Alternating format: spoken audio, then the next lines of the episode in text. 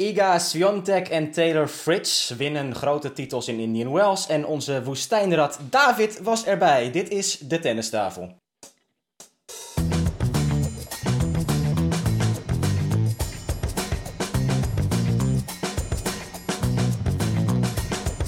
Please take your seats quickly, ladies and gentlemen.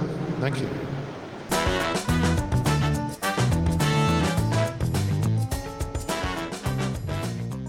Ja, we hebben weer een, eh, mooie digitale aflevering deze week. Want David, jij bent eh, nog steeds weg natuurlijk. Je zit daar met een big smile in ehm, Californië nog steeds, kan me voorstellen. Hè? Met, eh, Ja, met die idyllische eh, plek op deze aardbol. Ehm, Stefan zit er iets minder vrolijk bij, want die zou eigenlijk ook een beetje die kant op gaan, hè? Stefan, misschien moet je juist even uitleggen wat er precies is gebeurd. Want het is wel, ik Nou heb ja. wel echt medelijden met je. Ik vind het wel echt heel, heel vervelend. Ja, lach maar. Ik maak al een Ja. ruim een jaar een podcast met jullie. En ik kijk er elke week naar uit om eh, weer jullie met jullie over tennis te ouwehoeren. Alleen eh, vandaag heb ik het liever niet gedaan. Nee. Ik zou eh, nu in Miami zitten. Jongen, jongen, jongen. De pech is, mijn vrouw heeft corona gehad eh, twaalf dagen geleden. Ze is hersteld. Ze, mag, ze is alweer naar buiten, uit quarantaine. Niks aan de handje, niet besmettelijk. Alleen Amerika, ja, dan moet je nog steeds een antigeen- of PCR-test doen voordat je in het vliegtuig stapt. En eh, ja, die geeft nog steeds positief aan. Tenminste, zaterdag. We zouden zondag vliegen.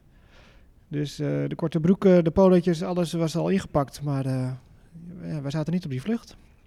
Ja, dus een herstelbrief dat je het hebt gehad, zeg maar. Corona, dat is dan niet... eh, Nee, die krijg je pas na twee weken. ja. Dus eh, de timing is echt ja, zo vervelend dat ze ja, tien dagen geleden had, zeg maar, voordat we zouden vertrekken. Niet meer besmettelijk, maar ja, je mag niet op de vlucht. Want het zou een Ja. reis zijn een beetje eh, hè, voor het werk van je vrouw ook natuurlijk. Hè? Dan combineer je dit een beetje Ja. met eh toernooibezoeken. Ja. Was de... Ja, drie dagen feest in Miami eh, met haar werk en zo. En dat heeft Ja. ze helemaal verdiend. En ik mocht eh, als partner mee. En eh, daarna zouden we ook nog gaan naar het tennistoernooi. Dus ik zie straks die prachtige beelden van Miami op de televisie. En eh, met pijn in mijn hart zit ik hier in Zandvoort. Ja, ja. Met jullie, tegenover jullie weer. Ja. Ah. Word je ook niet vrolijk van. Nou ja, dus, dus ik ben bloedzagrijnig, maar goed, ik ga er wat van maken. Ja, Er zijn ergere dingen in de wereld. Ja, nou, vorige week hebben jullie natuurlijk met z'n tweeën al een beetje gesproken over eh, hoe mooi het allemaal weer is eh, dit jaar in, eh in New Wales. Hè. De avonturen van eh, David kwamen uiteraard eh, voornamelijk voorbij. Maar ja, David, we gaan even verder waar we gebleven waren. Want je hebt ook de hele tweede week meegemaakt Ja. daar ehm, ja, bij het toernooi dat nog steeds voor velen het mooiste toernooi buiten de Grand Slams is. Tennis Paradise, nog een keer die, eh, die naam erin gooien. Ehm, was het eh, paradijselijk voor jou, begin tot eind? ja, voor mij wel. Voor de spelers weet ik niet, want eh, richting het einde waaide het nogal. Dus om het dan nog met droge ogen Tennis Paradise te noemen, ja, dat is misschien wat lastig. Want het was vijf vlagen, letterlijk en figuurlijk, niet, niet te spelen. Zo hard waaide het. Maar ja, natuurlijk, als je daar op de tribune zit en zit te kijken hoe dit allemaal zich ontvouwt, ja, dan is het paradijselijk, zonder meer. Ja, en eh, mensen hebben natuurlijk ook een beetje jouw eh, werk kunnen volgen via eh Ziggo Sport. Hè, de items die je daar hebt gemaakt. Ook op social media natuurlijk interessante video's die voorbij zijn gekomen. Ik denk voor velen misschien het meest opvallende dat je in één keer met, met Rafa daar stond. Hè? Met, met een leuk, leuk, cli- leuk clipje ook. Ehm, Ja. Mooie vragen voor Johan Cruijff. Ja, goed, we moesten een haakje zoeken, want het is niet vanzelfsprekend dat je gewoon altijd Nadal komt te spreken. Dit geval was dan het haakje het feit dat hij eh, in die oranje outfit speelde. Leek een beetje op een Nederlandse elftal voetballer. Ik dacht, ja, dan is het misschien leuk om dat eh, op te brengen. En dat hij dan iets kan zeggen over, eh, over voetbal. Cruijff, dat schoot dan later te binnen dat zijn oom natuurlijk voor Barcelona heeft gespeeld in dat Dream Team destijds, in begin jaren negentig. Dus ik vroeg hem gewoon om eens een keer over die andere oom te spreken in plaats van altijd maar die oom Tony omdat daar dan die Nederlandse link met Johan Cruijff lag. En daar gaf hij een heel mooi antwoord op, volgens mij. Ja. Heel uitgebreid en eh, zoals we het kennen van hem. Hij is zelf trouwens fan van Real Madrid, volgens mij. Ja, dus hij heeft een slecht weekend achter de rug eh, in alle opzichten. Viel me ook op, want ik had Nadal nog niet één op één eh, gesproken ooit. Dus dat was op zich ook een hele, hele ervaring. Ja. Het is gewoon een ouderwetse, vriendelijke, beleefde eh, man zoals we het kennen. Hij komt gewoon naar je toe, geeft je gewoon een hand. Dat is bij die nieuwe generatie spelers ook niet altijd een feit. Dat ze zeg maar echt met jou bezig zijn, dat ze erkennen dat jij er staat, een andere persoon. Ja, ja. Nadal is gewoon van de oude stempel, geeft je gewoon een hand, doet wat hij moet doen. Super professioneel. Aan het einde interview voorbij, hand op je schouder, top, dankjewel, tot de volgende keer. En eh, helemaal geweldig. Dus ja, gewoon omgangsvormen, om het zo maar te noemen, is, is, zit bij hem eh, helemaal top. Oké. nou ja, leuk om, uh, dat natuurlijk ook een beetje te horen. Van hoe het achter de schermen allemaal precies uh, gaat met die, uh, met die gasten. Was dat ehm, het hoogtepuntje van jouw week? Van jouw verblijf daar? Twee weken eigenlijk, hè? Ben je er geweest? Ja, het was een van de hoogtepunten. ik kon inderdaad voor Ziggo eigenlijk steeds al die winnaars spreken.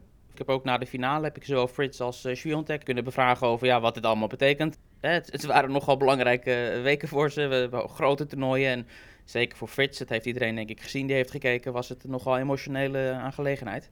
Tja. Dat hij zijn eerste Masters 1000 titel won. Dus het was leuk om hem ook daarover te spreken. Hij werd nog een beetje emotioneel in het interview richting het einde. Dus was ook wel grappig. Ik vroeg hem wat het meest belangrijke of emotionele momentje was dat hij sinds het winnen van de titel had meegemaakt. En toen begon hij over zijn vader te vertellen, die hem als kind ja, al naar dit toernooi bracht. En ooit tegen hem zei, jij gaat ooit dit toernooi winnen. Toen hij dat verhaal een beetje begon te vertellen, hij kon het net bij elkaar houden. En toen was het interview afgelopen. Maar het is altijd mooi om te zien hoe uh, belangrijk spelers uh, dit soort dingen vinden. Ja, nou, het is uh, voor jou ook weer een interessante kampioen natuurlijk. Vorig jaar was je erbij toen Cameron Norrie daar, daar wist te winnen. Hè, mooie foto nog die je hebt gemaakt dit, dit toernooi ook. Met de, de mural, hè, de, de En die was boos, hè? Zeker, absoluut. Norrie was boos. Zullen we dat meteen even doen? Oh, wacht even. Wie was boos? Norrie. Oh. Ja, hij zegt natuurlijk nooit wat. Ik ben de woordvoerder. Ik breng de klachten altijd naar buiten. Maar hij heeft nu zelf gezegd dat hij het eigenlijk niet vond kunnen dat hij als titelverdediger op baan 5 werd ingepland op de eerste dag. Ja. En de herhaling van de finale hè? was op, op stadion 3 volgens mij, als ik me niet uh, vergis. Ja, ja tegen Basilashvili. Ja. En hij zegt, ja, die Badosa die speelt elke wedstrijd op centercourt en ik word even weggebonjourd. Nee. Nou ja, Norrie die heeft uh, in de kwartfinale nu verloren van uh, Carlos Alcaraz, uiteraard. Um, Stefan, even jouw reactie misschien eerst op um, ja, Taylor Fritz, kampioen in Indian Wells. Ja, leuk als zo'n local jongen wint. Taylor Swift zit het in mijn hoofd als ik hem zie. En, en ja, ik moet altijd aan Robin Haase denken. Als je hem ziet of zijn vriendin ziet? nee, als ik zijn naam zie. En ja, ik moet altijd aan Robin Haase denken als ik hem zie. Het is echt, ik vind het nog steeds een, oh, okay. een betere versie van Robin Haase. Met zijn techniek en zijn, hoe zijn lichaam eruit ziet. En ja, spelopvatting. Hmm. Net allemaal iets beter dan Robin. Ja, leuke gozer. En uh, die vader... Hij slaat, hij slaat backhands wel met iets meer power. Ja, die voorhand ook. Alles, alles is beter. Ik zeg ook de betere versie. ja. Maar het doet me gewoon denken. Ja, en ja. misschien hebben meer mensen dat. Ja, en ik moet aan die vader denken. Dat is, ja, ik ben zelf vader. Dat is een moment, ja, dat is je hart... Hoe moet ik het zeggen? De, die bonst natuurlijk in je keel. die hele finale. En als hij dat al zo zegt, van mijn vader vroeger zei... Dit toernooi ga je winnen. En het is pas het tweede toernooi die hij wint. En is meteen in New Wells, in de buurt waar hij vandaan komt. Ja, nou ja, een sprookje. Amerikaans sprookje. Eerste Amerikaanse winnaar sinds uh, Agassi, 2001. Ook uh, heeft dat lang geduurd natuurlijk, ja. dus dat is extra uh, bijzonder. En dan te bedenken dat hij eigenlijk niet kon spelen, hè? En, Precies, en, ja. die finale, David, dat weet jij natuurlijk beter. Ja, jij was daar aanwezig. Ja, nou ja, hij heeft uitgebreid verteld dat het eigenlijk een wonder is dat hij die wedstrijd heeft kunnen spelen. Uh, sterker nog, vlak voor die partij, de warming-up die hij had op centercourt, werd vroeg afgebroken. Hij gooide zijn racket weg. Hij was boos en echt van hoe kan het zijn dat ik bij deze grote finale uh, niet kan spelen. Mijn enkel die is helemaal naar de, naar de knoppen. Gebeurde in de wedstrijd uh, in de halve finale tegen Rublev dat daar iets misging. Het hele team in paniek. Het hele team zei ook tegen hem, je kan niet spelen, dit is link, dit is gevaarlijk, je gaat het helemaal kapot maken. Maar hij heeft gewoon zelf de, het besluit genomen van nee, ik moet gaan spelen, ik ga het doen. Ja, hij heeft gelijk gekregen in die zin dat hij het toernooi heeft gewonnen. We weten niet of hij daadwerkelijk het veel erger heeft gemaakt dan het is, die enkel. Maar hij gaf aan, ik weet niet hoe het is uh, gegaan, maar ik heb pijnloos kunnen spelen. Ik wou net ja, zeggen, want als je die wedstrijd zag, ik heb geen moment gezien dat ik dacht van hij spaart die enkel of wat dan ook. Nou, dat begin misschien een beetje aftasten, maar al heel vroeg werd duidelijk. En uh, uiteindelijk uh, die glijacties die hij had zo richting het net en met dat pijnlijke been. Ja, daar was helemaal niks mis mee. En dat gaf hij ook toe, hè. Het was niet dat hij zei van uh, tijdens die wedstrijd deed het pijn. Sterker nog, hij zei ik weet niet hoe het kan, maar ik heb werkelijk pijnloos kunnen spelen. en uh, ja, een heel raar verhaal. En daartegenover natuurlijk Nadal, die... Ja, op voorhand dachten we, die gaat dit sowieso winnen als Frits zoveel last heeft van zijn been. Maar Nadal die was nog geblesseerder dan, dan Frits gedurende die partij. Die had ook in die halve finale wat opgelopen tegen Alcaraz. Die werd ook behandeld voor, ja, het was een beetje onduidelijk of het nu zijn rib was borstspier was of wat dan ook. Maar hij werd er uitgebreid aan behandeld. En het uh, belemmerde zijn ademhaling. Maar misschien kunnen we even luisteren naar wat uh, Nadal er zelf uh, over zei. Over die blessure. Want ik vroeg het hem tijdens de persconferentie. Rafa, do you know what the issue is with the, the chest? Or is it something entirely new to you? No, I don't know. Honestly, no. I, I it happened yesterday night. Uh, just at the end of the match last night. So I finishing that late yesterday and playing today in the morning, I as you can imagine, I didn't had the chance to do many things, and uh, no, not even a, a chance to to check what's going on there. So, uh, but that's it. All the only thing that I can say is tough to breathe. uh, for me, I don't know. I I feel very very. when, I try to breathe, uh, it's painful and it's very uncomfortable. Uh, but that's it. No, no, no. It's not the moment to talk about that. Honestly, no. Even if it's obvious that I, I was not able to to to do the normal things today. Um, that's it. It's a final. I tried. Uh, I lost against a great player, uh, and I, I, think it's not the day to talk about uh, what what's going on on me. It's his day, and we, we don't need to to hide that in in my in my problems. Ja, het was uh, goed te zien natuurlijk hè, dat hij vanaf het begin daar veel moeite mee had. En eigenlijk misschien bijna al ook wel aan het eind toch de adrenaline die het overnam. Want toen, toen weet je, die tiebreak en zo, toen vloog hij over de baan heen. En uh, nou ja, er was een moment dat hij 5-4 serveerde. Punt geweldig opzetten. Uh, prachtige versnelling de hoek in. Komt hij in voor een drive volley.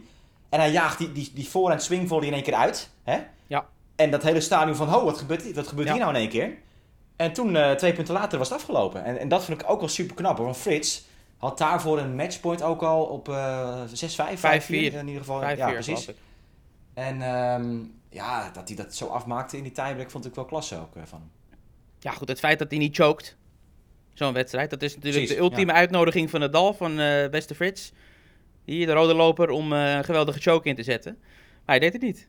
Nee, het was geen Sebastian Korda, hè? Jongen, jongen, nee. Nee. Nog even het geheugen op Frits, was natuurlijk 5-2. Ja. Dubbele break, derde set. Eerste wedstrijd van het toernooi van Nadal. Dus het had heel anders kunnen uitpakken. En dat hij dan toch nog de ja. finale haalt, is dan ook weer een, uh, ja, mooi meegenomen. En Alcaraz uiteraard die wedstrijd van, van drie uur en een kwartier.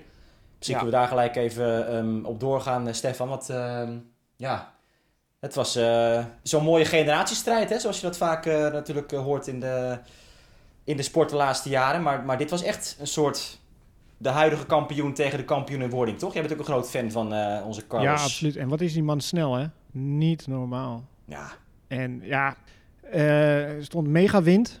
Dus dat had natuurlijk heel veel invloed op die wedstrijd.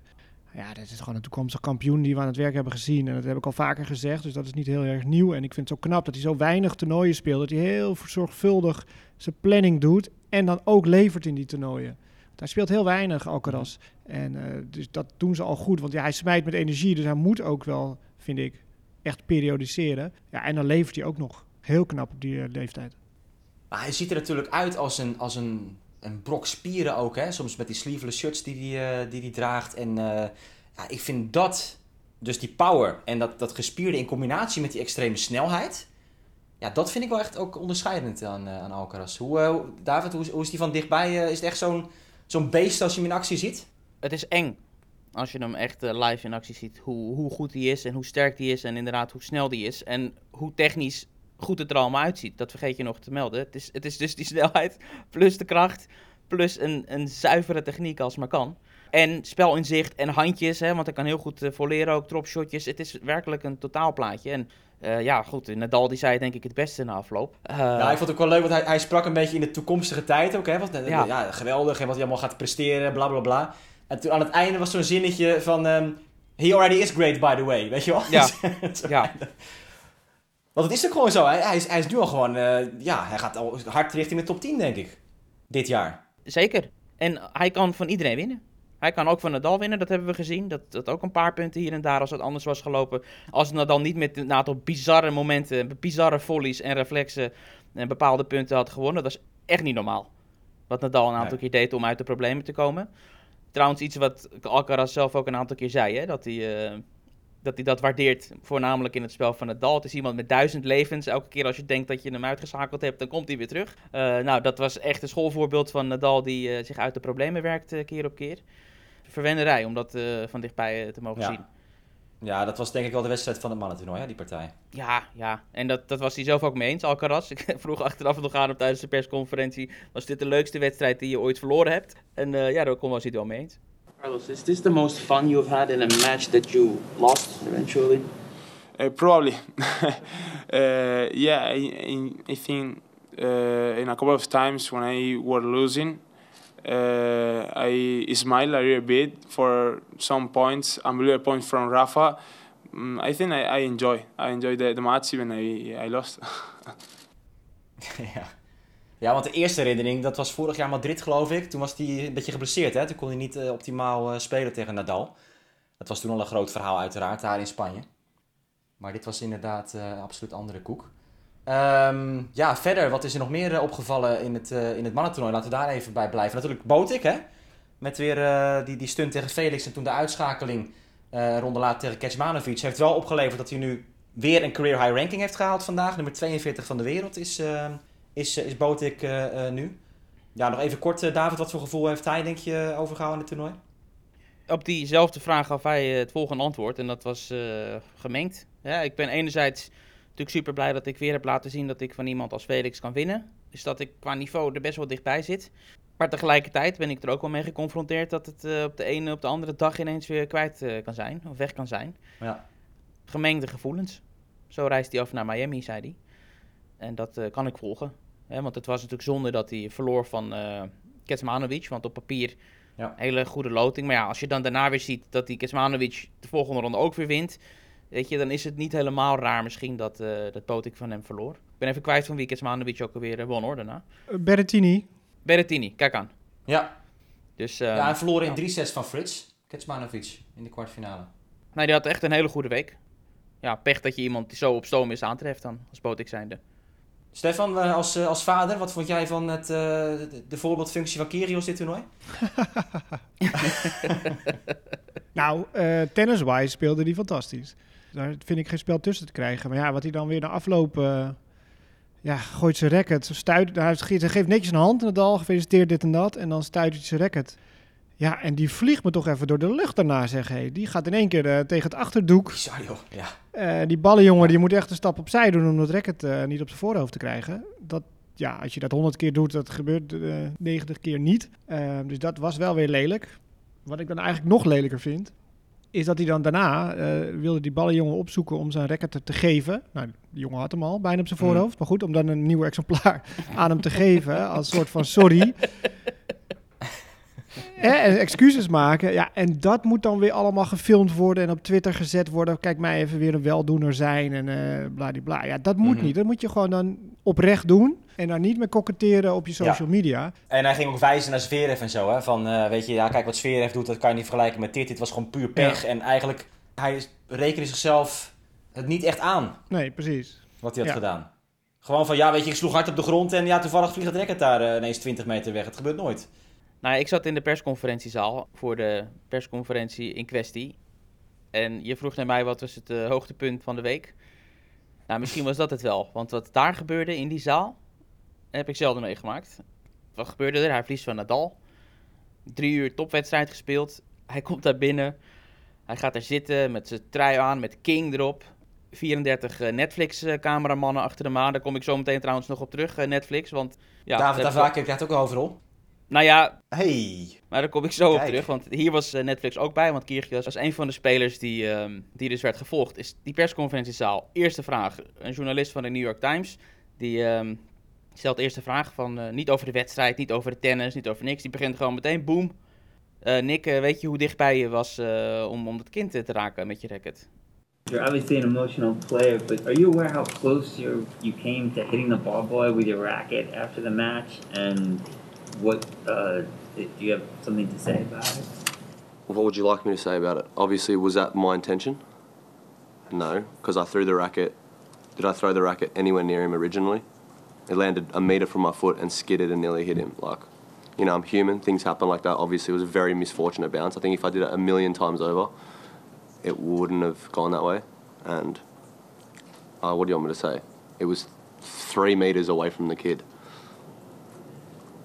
That's that's a question you're going to say after a three-hour battle against Nadal. That's that's what you've come here with. Well, I saw a kid duck. For You duck, duck. He ducked. Ducking, He ducked. Get out of the, He get out of ducked. the way of the. Of He the- ducked. Yeah. Jesus. All right. Well, if that's what you're going to come in here to come ask me, it didn't hit him. It was an accident. It most definitely wasn't like Zverev. It was a complete accident. Didn't hit him, thankfully. I wasn't my intention. So thankfully the ball kid's okay. Great question, though. Unbelievable stuff. I feel like I'm helping the sport. I'm creating more attention, and anyone that thinks that I'm bad for sport is just an idiot. Like they've got obviously got no idea, no idea.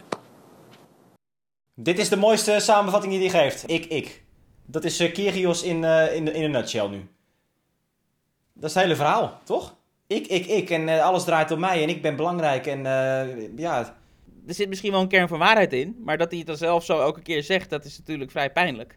Want hij zegt letterlijk, jullie snappen niet hoe goed ik voor de sport ben. En jullie media die steeds proberen mij zwart te maken. Jullie moeten mij juist omarmen. Want het feit dat er gesproken wordt over een rivaliteit tussen mij en Nadal, dat is natuurlijk te gek voor woorden. wie ben ik naast Nadal dat jullie mij überhaupt uh, uh, zeg maar dit toedichten? Dat ik uh, groot genoeg kennelijk ben om, om tot een rivaliteit met Nadal te, te behoren. Dus weet je, als je het gewoon uitschrijft en leest, dan heeft hij op bepaalde punten zeker wel gelijk. Maar het is gewoon echt de manier waarop hij het brengt, is echt gewoon tenenkrommend uh, af en toe. Um, en om de persconferentie vooral af te maken, andere meneer van de New York Times, uh, die sprak hem nog aan op zijn gedrag. Die zei, Nick, dit is gewoon een legitieme vraag. En daar ging Kyrgios weer hard op in. En aan het einde helemaal van de persconferentie, terwijl hij al wegliep, zei die meneer van de New York Times nog een keer, Nick, dit was een legitieme vraag. En toen riep Nick nog even terug, douchebag. Nou, misschien in, in Netflix gaan we dat allemaal terugzien. Tja. ja. Nou ja, even, toch even over tennis, want het is tussen neus en lippen door gemeld. Hij verloor van Nadal in de, in de kwartfinale. Echt, echt een ja, geweldige partij die heel lang als een soort 50-50 wedstrijd uh, aanvoelde, zeker wel. En hij heeft toch de kwartfinale gehaald, hè, Kyrgios. En dat is best uitzonderlijk dat Kyrgios in de kwartfinale van een Masters toernooi staat. En eerder in het toernooi sprak hij wel over zaken als dat hij zich beter voelt dan ooit misschien wel, hè, een andere ik. ik. Volgens mij heb je dat besproken vorige week of niet? Ja, hebben we besproken toen, ja. ja Met die ja. vriendin en, erbij. Uh, en, ja. Precies. Maar ja, dus, dus in dat opzicht is dat dan wel weer iets, iets positiefs voor Kyrgios. Nou, we weten, hij gaat Miami spelen. Daarna heeft hij gezegd dat hij geen gravel ging spelen. Maar ik zag wel dat hij een wildcard voor Houston heeft gehad nu. Ja. Een gravel toernooi in Amerika. Nou ja, oké. Okay. Um, en een check, denk ik. Niet alleen een wildcard. Ja, ja. nee, precies. Maar ja, dus in dat opzicht uh, positieve punten voor Kyrgios. Maar ja, uiteindelijk is toch dit verhaal weer wat overheerst. En toch weer een, een, een negatieve randzaak natuurlijk. Ja, waar die in die Wels mee verlaat. Ja. Nou Stefan, dan gaan we naar uh, onze andere uh, ideale schoonzoon. Alexander Zverev. Natuurlijk uh, ja, was, hij, was hij vroeg uitgeschakeld, maar toch nog eventjes wel noemen dat hele verhaal. Van, ja, dat hij mocht spelen. Ik blijf het bijzonder vinden. Hij is um, zijn derde plaats op de ranking nu kwijt aan Nadal volgens mij. Denk je dat Zverev de, de zaken weer snel gaat oppakken straks in Miami? Of? Ja, ik heb niet de indruk dat hij erg gebukt gaat om wat er allemaal naast de baan speelt. Ja, hij heeft niet een briljant seizoen, maar het was vorig jaar ook wel een heel pittig seizoen. Ik denk dat hij daar nog een beetje de naweeën van heeft of zo, met het Olympische Spelen erbij. Hij is arrogant genoeg om alles van zich af te laten glijden, zeg maar, wat er gebeurt in zijn privéleven en gewoon op de baan uh, wel of niet goed te presteren. Dat heeft daar denk ik niks mee te maken. Nee. André Rublev weer in de halve finale. En hij uh, verloor natuurlijk van Taylor Fritz uh, verrassend. Ja, dat is toch wel ook een van de spelers van het jaar, toch? Rublev. Rublev. Ja. Ja, week in, week ja. uit is eigenlijk goed. Knap hoor, want je zou zeggen, het is een kamikaze-piloot op de baan. Maar dat heeft hij al. hij crasht maar niet. nee. dus ja, een geweldig hardcore seizoen. Ja, zonder setverlies halve finale gehaald. Tiafo, Hurkacz, Dimitrov verslagen.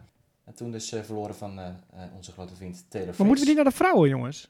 We zitten zo lang ja, over zo. die mannen. Nee, ik wil het nog even over Gael Monfils hebben. Want die heeft een voorhand geslagen van 199 km per uur.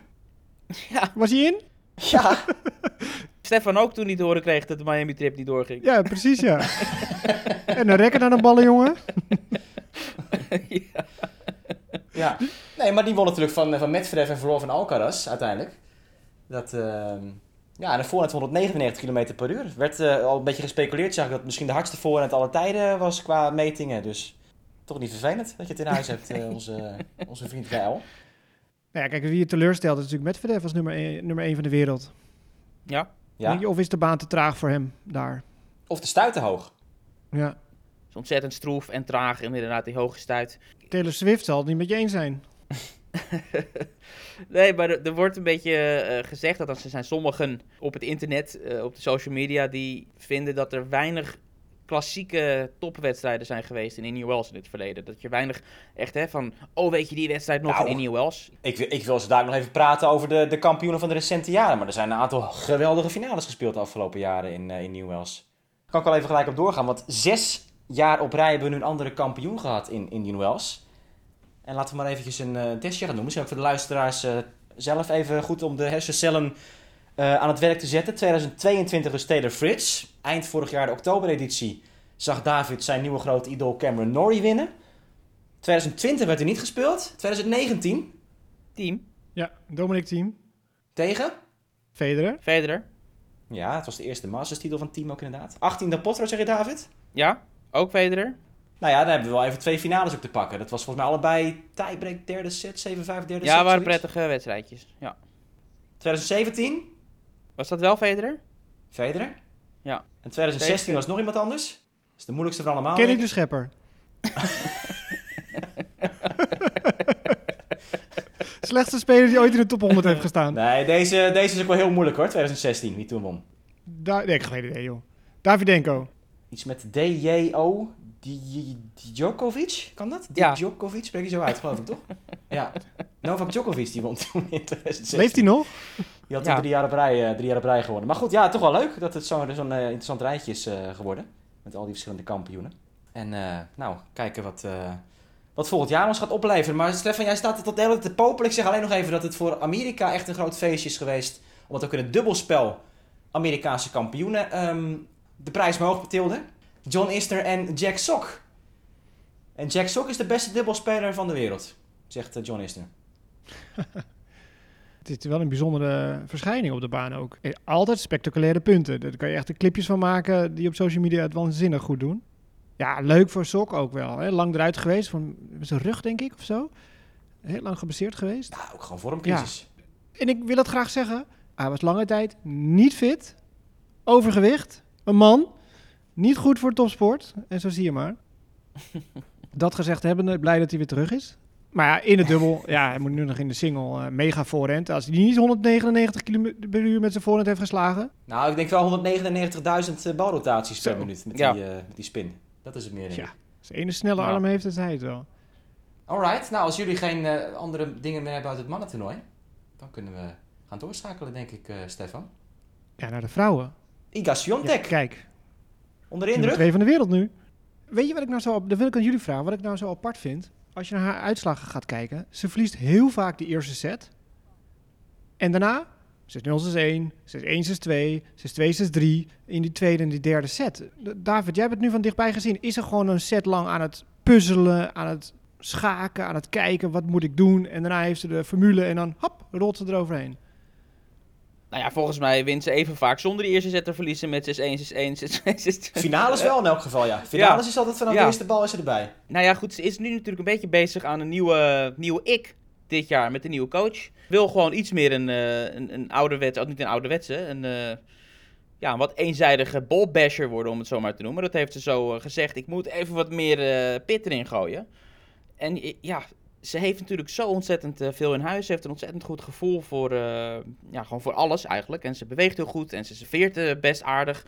Die backhand is natuurlijk fantastisch. Die voorhand is wat wiebelig af en toe. Maar ze heeft nu gewoon echt de smaak te pakken. En ook tussen de oren ja, weet ze steeds beter wat ze wil. Maar even dat verhaal van Stefan, want het is natuurlijk wel iets wat opvalt dit toernooi. Dat ze haar eerste drie wedstrijden verloor de eerste set. Van Kalinina, Tauson en Kerber. Nou, toen tegen, tegen Kies 6-1, 6-0. Halep 7-6, 6-4. En de finale tegen Sakari 6-4, 6-1. Ja, dus hoe verder ze komt, hoe meer ze in het toernooi komt, althans in dit eh, geval, hoe beter ze ging spelen. En nummer 2 van de wereld, jongens. Ja, nou, de finale ging erom, hè. Winnaar werd nummer 2, Sakari of Swiatek. En het werd Ja. Swiatek. Maar ja, goed, ze heeft net Doha gewonnen, ook een duizend toernooi. Ze had eh, halve finale Australian Open. Ja, dat telde het bij elkaar op en dan sta je op nummer 2. Ik vind het wel leuk, want ik zag op Twitter haar psychologe, die altijd ook of vaker bij is. Elke dag in de persconferentiezaal daarnaast. Enerzijds wel een beetje wonderlijk, want elke keer als haar een vraag gesteld wordt waarop Swiatek het antwoord niet weet, dan kijkt ze naar die psychologe. Wat moet ik zeggen? En die psychologe die zei één keer terecht deze week, eh eh, Iga, it's your brain. Eh, weet ik veel. Ja, maar het is wel leuk, want zij heeft op Twitter heeft ze een fotootje geplaatst van Ja. haar ehm, hartslag tijdens de Ik weet niet welke wedstrijd het was, maar in ieder geval... Ze had 431 calorieën verbrand in, andere, in 1 uur 50 minuten. Maximale hartslag 164. Gemiddeld 112. Als je naar een wedstrijd zit te kijken. Nou, toch, eh, ja, lekker. Moet gaan coachen met z'n allen. Oh, de coach had het verbrand. Die Oh, psychologen. die psychologen. Ja. Wauw, een topfitte Ja. psychologen dan. Goed, ja, ehm nou ja, Sakari eh, vind ik ook echt, echt waanzinnig hoe die zich heeft verbeterd de laatste jaren. Want vind haar ook wel een beetje een laadbloeier natuurlijk. Hè. Stapsgewijs is zij heel rustig van een beetje 50, 40 naar 30 gegaan. En toen vorig jaar in één keer, boem, die, die grote versnelling in haar carrière. En nu gewoon één wedstrijd af van de nummer 2 plek ook, wat je zegt, David. Voor, eind vorig jaar was ze sterk. Twee halve finales uit mijn hoofd, Grand Slam, vorig jaar. Met Ja. eh matchpoints Ja. tegen Krejcikova eh, op Roland Garros. Dus ja, die zet ook gewoon door, weet je. Dat vind ik ook knap. Zeker. En ze was deze week heel erg ehm, serieus. Normaal gesproken is ze best wel eh, een beetje lacherig en, en open en, en ontspannen. We zagen haar op dag 1 ehm, in een fastfood tent met het hele team. De In-N-Out Burger eh liepen we Zachary tegen het Ja. lijf. Nou, dat zie je ook wel aan haar lichaam, Stefan. Ja, kijk, Dat ze dat soort tenten bezoekt. zo moet het eruit zien, toch? Maar het kan dus met een double-double cheeseburger aan het begin van de week. Echt gewoon all-in ging ze daar. double cheeseburger. Wacht even, wacht even. Wacht even. Een double, double cheeseburger. Ja. Wat hebben we Zijn dan? er vier. Double, double. Dan denk ik aan vier. Dan denk ik, precies. Nee, nou, Er er zijn zijn vier gewoon... burgers. Nee, ja, goed, zo heet het. Zo heet het. Niet het voorgeschreven eh, sportontbijt eh, waarschijnlijk. Maar eh, ja, dat deed ze gewoon. En ze zei... eh Het was een ontbijt. nee, was geen ontbijt. Dat was na middernacht geloof ik zelfs. Dat ze daar was. Helemaal aan het begin. Vroeg ontbijt. Ah, ze, had eerst, ze was eerst uit geweest, toen had ze nog een beetje snack attack. En dan ging ze naar het broodje shawarma of een double-double dingetje. Sack attack. Zei je dat? Ja, Snack attack. snack attack. bijna meer Ja. attack. Ja. Ja. nee, maar dat, toen was ze nog ontspannen. Dat is het punt dat ik wilde maken. Maar gaandeweg, ook in die interviews, was ze elke keer echt gewoon zo super serieus. Eigenlijk eh, nauwelijks of serieus ingaan op, op dingen. En heel veel spanning. En dat zagen we natuurlijk ook nadat ze de halve finale won. Een extreme ontlading dat ze die finale had gehaald. Want ze had ja, een beetje een soort eh, vloek. Halve finale syndroom. Daar kwam ze overheen. En dat zag je echt eh, gewoon met tranen in de ogen hoe ze toen eh, de finale behaalde. Ja. Ehm, Winst op Badosa was dat. en zij werd trouwens ook eh, gefilmd van begin tot eind door Netflix en gevolgd.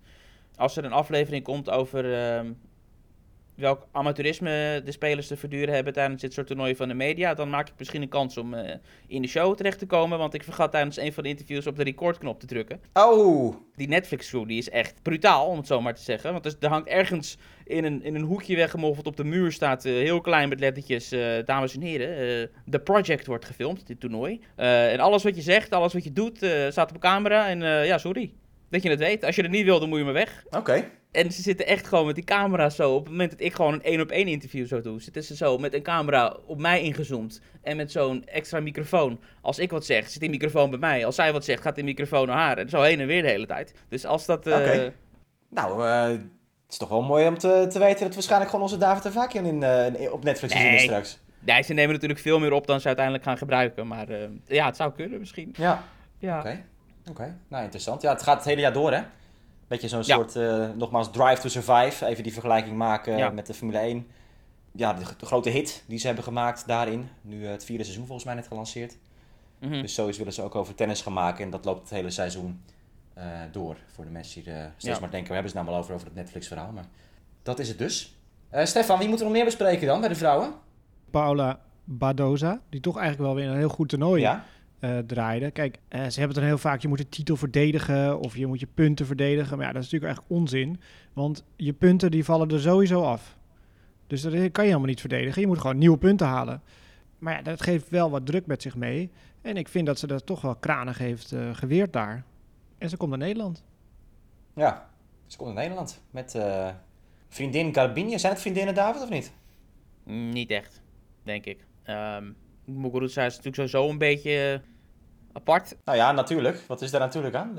Leg uit. Die is een beetje van de, van de Maria Sharapova school in zekere zin. Van ik doe mijn ding en ik ben hier niet om vrienden te maken. En Badosa is totaal tegenovergestelde. Die is met iedereen vrienden. En die praat over van alles en nog wat. Die zegt eigenlijk nooit nee tegen, tegen iets. Als je een vraag stelt. En Muguruza is, is wat afstandelijk en wat, eh, wat, wat kouder. En die zal ook in interviews proberen het vaak zo kort mogelijk allemaal af te ronden. Maar ja, ze zei wel ehm, dat ze gaandeweg en afgelopen tijd wel iets closer zijn geworden. Omdat ze gewoon vaker met elkaar te maken hebben. Dus een soort van onvermijdelijk. Want ze speelden samen Olympische Spelen, zaten ze in hetzelfde team. Ze hebben samen een voorseizoen eh, gedraaid. En natuurlijk eh Billie Jean King Cup. Dus of ze het nou Ja. willen of niet, ze trekken samen op. En ja, dan ga je automatisch, eh word je closer. Ze komen naar Nederland om in de Billie King Cup te gaan spelen. Inderdaad, tegen het eh, Nederlandse team. Maar over Badosa, dan is het toch wel ver gekomen. Als je zegt dat ze zo open is nu. Vrienden met veel mensen. Want het verhaal is ook bekend dat ze ja, in het verleden echt wel heel in zichzelf gekeerd was. En depressief was en moeite had met druk, dat soort zaken. En het allemaal niet zag zitten in het leven. Dus dat is dan toch wel mooi om te zien hoe zij dan zo is, is opgebloeid. Zeker weten. En eh, in Tennis Magazine is het interview dat ik met haar gedaan heb eh, te lezen. Dus dat is zeker wel interessant. En daar komt dit wat jij zegt ook wel enigszins eh, terug. En eh, ja, Ja. ja. het motto is een beetje van, hè, ook over die vriendschappelijkheid met, met andere spelers. Weet je, we hebben al zoveel stress uit onszelf. Wat heeft het nou voor zin om dat nog toe te voegen door vijandig te zijn met, met de rest? Zo kan het dus ook.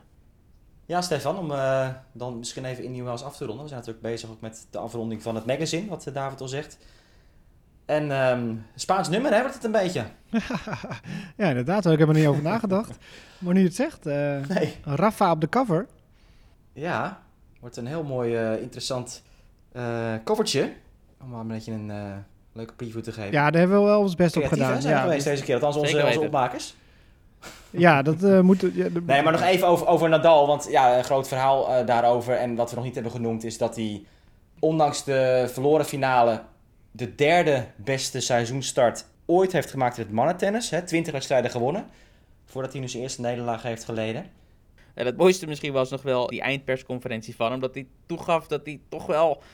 Dat het een beetje steekt dat hij niet zeg maar, met, een, met een clean sheet eh, het greffelseizoen in kon gaan. Hij zei, ja, dat doet Ja, toch ja, wel ja. pijn dat ik, dat ik één potje heb verloren voordat het greffel eh, Ja. begint. Ja. Maar ja, als hij zo staat te spelen op het greffel zoals hij de eerste maanden heeft gespeeld op het hardcourt... dan ehm, maak je borst maar nat de rest van de ATP-tour, zou ik zeggen. Ja, ja. Ja, maar natuurlijk eerst nog het eh, grote toernooi van Miami. Wat Nadal eerder al had gezegd dat hij niet wilde of ging spelen. Dat was eigenlijk het begin van het toernooi in Newells dat dat bekend werd. Dat hij dat ging overslaan. Maar hij wil wel het volledige gravelseizoen meemaken. Zijn, zijn schema van zijn hele carrière eigenlijk. Monte Carlo, Barcelona, Rome, Madrid en dan nog Roland Garros. Dus nou ja, dat zou natuurlijk prachtig zijn als er dat allemaal aan kan. Ja, ehm, Stefan, Canada. Toch aan de Davis Cup Finals. Ik zei het eh, in de podcast al, eh, volgens mij vorige week. Zaten, ja, werd over gespeculeerd. Ja, er is een wildcard eh, vrijgekomen dat Servië doorschuift als halve finalist omdat Rusland niet mee mag doen. En die wildcard ging, zou gaan naar de twaalf verliezers van de qualifiers. En toen zei ik, nou, dat zou zomaar eens Canada kunnen zijn. Want die hebben natuurlijk twee toppers in de top 20. Eh, Felix en Chapo. En ja hoor, de wildcard is naar Canada gegaan. Dus vraag me dan toch wel af, stel je voor Canada had gewonnen van Nederland. Had Nederland dan die wildcard gekregen? Nou, het lijkt me niet. Nee, dus die via de achterdeur eh, gaan door. En de speelsteden zijn ook bekendgemaakt. Dat eh, is Glasgow, Hamburg, Bologna en Malaga. En op 31 maart Mhm. eh, wordt de poolindeling bekend. Dus dan weet Nederland met welke drie andere landen in de pool terechtkomen en waar ze dan spelen. En dat is dan in september. Ja. Maar ja, ik kan me zo voorstellen dat, 14 eh, ja, dat. Glasgow indoor is. Dat is O2 volgens mij indoor. Maar dat Malaga bijvoorbeeld weer outdoor is. Maar het lijkt me dat het allemaal op hardcourt moet zijn. Dat je toch wel hetzelfde moet doen. En Hamburg september lijkt me ook indoor. Ja, dat is wel interessant trouwens, ja. Daar heb ik niet eens over nagedacht. Nee, want ik zat meteen te kijken van eh, waar wil ik heen? zaken, of dat, eh, ik zat alleen maar te kijken september. Nou, ik wil wel naar Malaga. Hè, dan kan ik nog die korte broek aan die ik al voor Miami had ingepakt. Maar ja, Glasgow lijkt me ook wel weer gaaf. Ja, maar er staat, er staat nergens iets over, over een regel van dat ze dan allemaal op hardcourt moeten spelen of zo, volgens mij. Dus. Ja, maar het is één toernooi. Je kan niet kwartfinale. Zo, Wat is het? apart. poolwedstrijden, eh, één toernooi en dan verschillende ondergronden. We hebben een tapijt in eh, Glasgow en een gravel in Malaga. Dat lijkt me niet. Dus het lijkt me dat het allemaal gelijk is met dezelfde baan, dezelfde ballen. Ja, we gaan het afwachten, ik weet niet. Het zou, theoretisch is het nog niet uitgesloten voor zover ik het zie, maar even aankijken. Ja, ik heb wel begrepen dat Frankrijk trouwens behoorlijk eh pissed off was over deze hele zaak. Want die hadden zich ook aangemeld om een speelstad te krijgen en dat is dus afgewezen blijkbaar. En die willen nog een of andere rechtszaak eh, aanspannen, dacht ik erover. Dus het, eh, ja. Ja, wat ik begrepen dat, eh, dat ehm, zeg maar Groot-Brittannië voor vijf jaar en dan roleert het volgens mij door het land. Dus niet vijf keer achter elkaar Glasgow, maar dat, dat, dat kan ook andere steden zijn. blijft allemaal moeilijk te volgen hoe het allemaal met de Davis Cup gaat. En wie gaat er door en waar gaan we spelen. En het is elke keer weer anders. En hopelijk wordt het allemaal op termijn toch wat duidelijker ook voor eh, de fans. Als het voor ons al zo moeilijk is om het bij te houden, kan je nagaan voor eh, hè, Guus en Truus op eh, TC eh Bal op het dak. Guus Maar, en Truus. ja, dat is de situatie. Zou die zich dit kunnen melden? Stel je voor, je bent een Guus en je bent getrouwd met Truus en, en je luistert naar deze podcast. Ja. Meld je alsjeblieft. Nou, welkom Ja. hoor, prima. Ja. Misschien kunnen we bij hun komen opnemen volgende keer. double double cheeseburger en we zijn erbij, toch? ja, ja, ja, ja. Ah, fijn. Ehm, ja. Oh ja, de, alle Grand Slam toernooien die hebben natuurlijk eh, de regel nog aangepast van de, de match tiebreak in de vijfde set. Wat vinden we daarvan? In ieder geval daarover duidelijkheid. Nou, wat wordt het? Op 6-6 een match tiebreak tot de 10. Dus Ja. zoals het in Australië was. Ja. En dan Roland Garros had helemaal niks nog. Eh, Het was gewoon doortellen tot, eh, tot het donker werd. Eh, Amerika was dan gewoon een tiebreak. ja, maar ook niet meer hè, Eh, laatste jaar, want dan zijn we er, is, verlicht- is verlicht. Ja, precies, ja. En Wimbledon Ja. 12-12, dan weer een tiebreak, ja. Nou ja, kijk, niemand snapte het meer. Dus wat dat betreft, eenduidigheid is allemaal prima. Maar wat vind je op 6-6 een match tiebreak? Ja, is dat het eerlijkst? Maar ja, weet je wat lachen was? Dan wisten die spelers het niet, hè, in Australië. Ik heb al menigene heb ik zien, eh, zien juichen eh, bij 7-5 in de tiebreak. Uit je dak. Ja, sorry, je moet nog een puntje of drie. Nou, ik vind het wel leuk. Ik vind die, die, die match tiebreak vind ik dan wel leuker dan de, de... Kijk, de US Open heeft natuurlijk in principe altijd al dit gehad, hè. Of althans echt al super lang, dat ze gewoon een tiebreak in de vijfde set hadden. Een normale tiebreak op, op, op 6-6. Dus die moeten dan toch ook in één keer een kleine omschakeling eh, maken. En ik vind het wel leuk, die, die, weet je, vijfde set. Het is dan echt gewoon een complete shootout. En dat je even iets meer ruimte geeft ook. Weet je, dat niet per se één geluksbal dan die ene mini-break is waarmee, eh, waarmee je zo'n tiebreak over de streep kan trekken. Dat je toch even iets meer nog moet doen om dat dan vol te houden. Dus ik vind die 10 punten vind ik wel eh, leuk, ja. Ja, ergens heeft het wel een charme, vind ik, dat ieder zijn eigen ding heeft. Maar als je dan er voor één moet kiezen van die vier formats, dan denk ik dat dit wel de beste is, of de leukste. ja. De twee games verschil, dat is sowieso beter om dat gewoon eh, af te schaffen, vinden jullie ook? Of, eh? Nou ja, nee, op zich ook wel leuk dat dat op Roland Garros nog zo was, die twee games verschil. Maar ja, ik, ik snap het hoor. Je moet op een gegeven moment moet je keuzes maken. En als je hiermee ja, wat meer eh, grip krijgt op de schema's en op hoe lang eh, dagen duren, ja, dat, dan moet je dat doen. Alright, nou het is inmiddels alweer eh, begonnen in Miami met de eerste actie daar. En de grote spelers die stromen dan aan het eind van de week een beetje in. En dan hebben we weer zo'n ja, zo'n gigantisch schema. 96 spelers die van start gaan. Zonder Nadal dus met ehm, ja, Djokovic die nu op tijd was afgemeld. Hè? Het was wel weer even nog, nog wachten tot een paar dagen terug. Of het echt eh, definitief was dat hij niet zou spelen. Maar hij komt nog steeds het land niet in. Hij komt ook Florida niet in.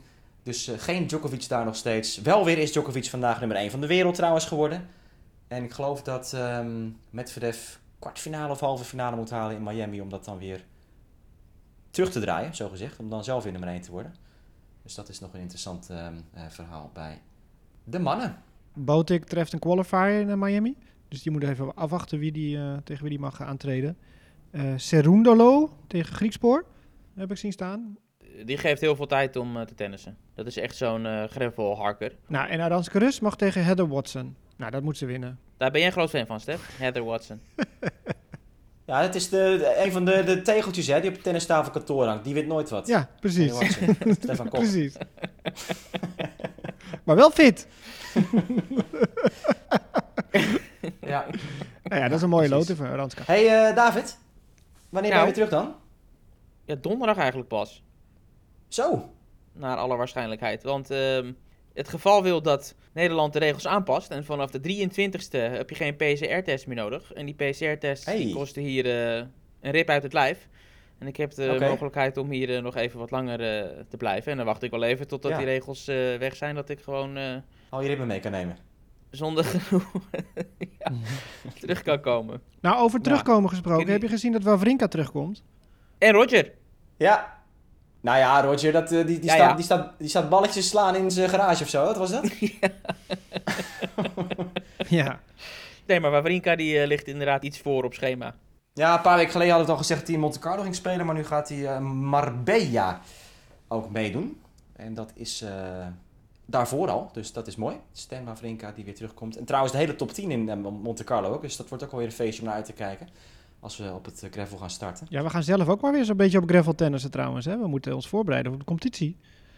Dus we, we mogen weer eh, van het weekend gaat onze club open. En, ja, en op gravel, ja, ik moet het er even, ik moet het er even noemen. Die balafdrukken, ja, ik blijf het lachen vinden. Want je hebt nu een speler, die heet Nino Ser, Serdarusic. Ik weet niet of het gezien heeft. Maar die wijst steeds de verkeerde balafdruk aan.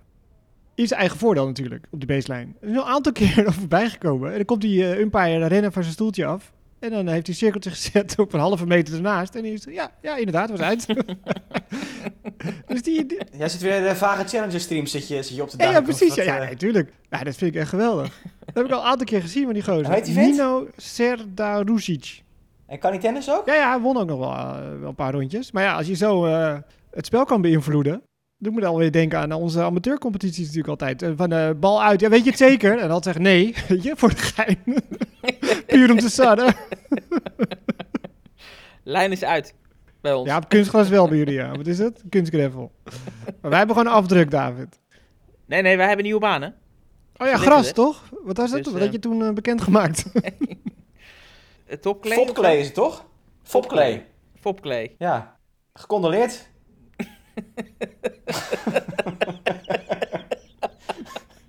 Ja, nee, ik heb er nog niet op gespeeld, maar ik, eh, ja, ik heb er geen, geen hoge verwachtingen van als ik jou zo mag aanhoren.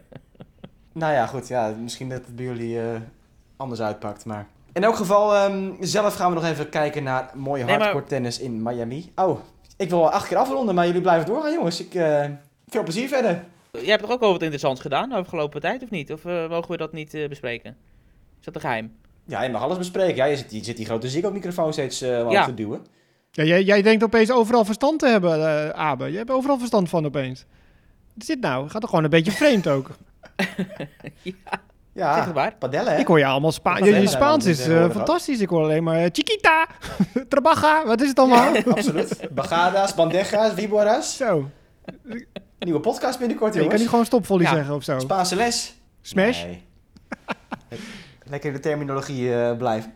Nee, eh Ziggo Sport. Padel-toernooien ook eh, ehm, eh, worden uitgezonden tegenwoordig. Dus dat is komende week ook weer aan bod. De World Padel Tour. En dan in het weekend worden de wedstrijden weer uitgezonden. Dus ja, leuke aanwinst. Het gaat het hele jaar door. 24 weken. Maar het grote verschil, en dat is dan toch ook weer even interessant voor de tennissport, weet je. Als jij door wil breken in tennis, je hebt natuurlijk zoveel toernooien die je kan spelen. Ook, ook die, hele ATP-kalender. Je kan eh nou, in spelen. Je kan ergens in, in Zuid-Amerika of waar dan ook eh, twee, drie, drie toernooien per week die je kan uitkiezen. Maar die padelgasten die hebben gewoon een week een toernooi, een week rust, weer een week een toernooi. En zo het hele jaar door. Dus iedereen speelt ook al die toernooien. Dus als je dan wil doorstromen als talent, dat is super moeilijk. Dan moet je echt dubbele kwalificatieschema's doorkomen en zo. Dus ja, dan wordt er wel eens geklaagd over tennissers van ja, het is zo moeilijk om uit de challengers te komen en eh, de ATP te bereiken. Maar dit is toch eh, nog even next level. Want je moet je altijd door, die, door echt gewoon topduo's heen spelen als je verder wil komen in een, eh, in een toernooi. Dus Maar in zekere zin is het wel een sterker product, in potentie. Hè? Want je kan ook natuurlijk bepleiten dat het zou de tennissport ten goede komen als je elke week of elke twee weken een toernooi hebt waarbij je altijd weet dat de top 10 die is Ja. daar, die gaan altijd onderling spelen en dat je echt zo'n tour hebt van de top, top, top eh, spelers. En dat iedereen die mensen ook kent. Dat je niet te maken hebt inderdaad met een Serundalo eh, of zo, elke week, wat je elke keer weer eh, moet googelen. Dus ja, het heeft wel zijn kracht, zo'n soort tour. Nou, weet ik niet. Want ik werd op een gegeven moment eh, Djokovic Murray voor de dertigste keer. ja, daar werd ik ook wel een beetje moe van, zeg maar. Het is juist leuk om nieuwe namen te zien, nieuwe speelstijlen en zo. Weet je, wie wil er nou niet naar Swantek uh, ons beur zien? Is toch gaaf? Met een double-double erbij. voor Swantek dan, hè? voor mij. Oh, voor jou. Hey jongens, volgens mij is het alweer eh double-double over de tijd heen. Ik heb Ja. een uurtje lopen ongeveer. Shit. Dus eh, Ja. ja. volgende week bij elkaar, denk ik, hè? De grote reunie, ergens in het land. Guus en Truus. Gaan we dan ook onze calorieën meten, wat we verliezen tijdens zo'n podcastopname, of niet? Ja, misschien wel, ja. Ja, oké. Leuke sponsor zoeken en Ja. kijken hoe het gaat uitpakken. David, goede terugreis. Stefan, sterkte deze week met ehm, ja, de zwembroeken die je in de kast kan laten liggen. Helaas. kijken naar Miami. eh, het is hier ook aardig weer, dus dat is eh, nog een schrale troost. Dank je voor het luisteren allemaal en graag tot volgende week voor de nieuwe aflevering van de Tennistafel.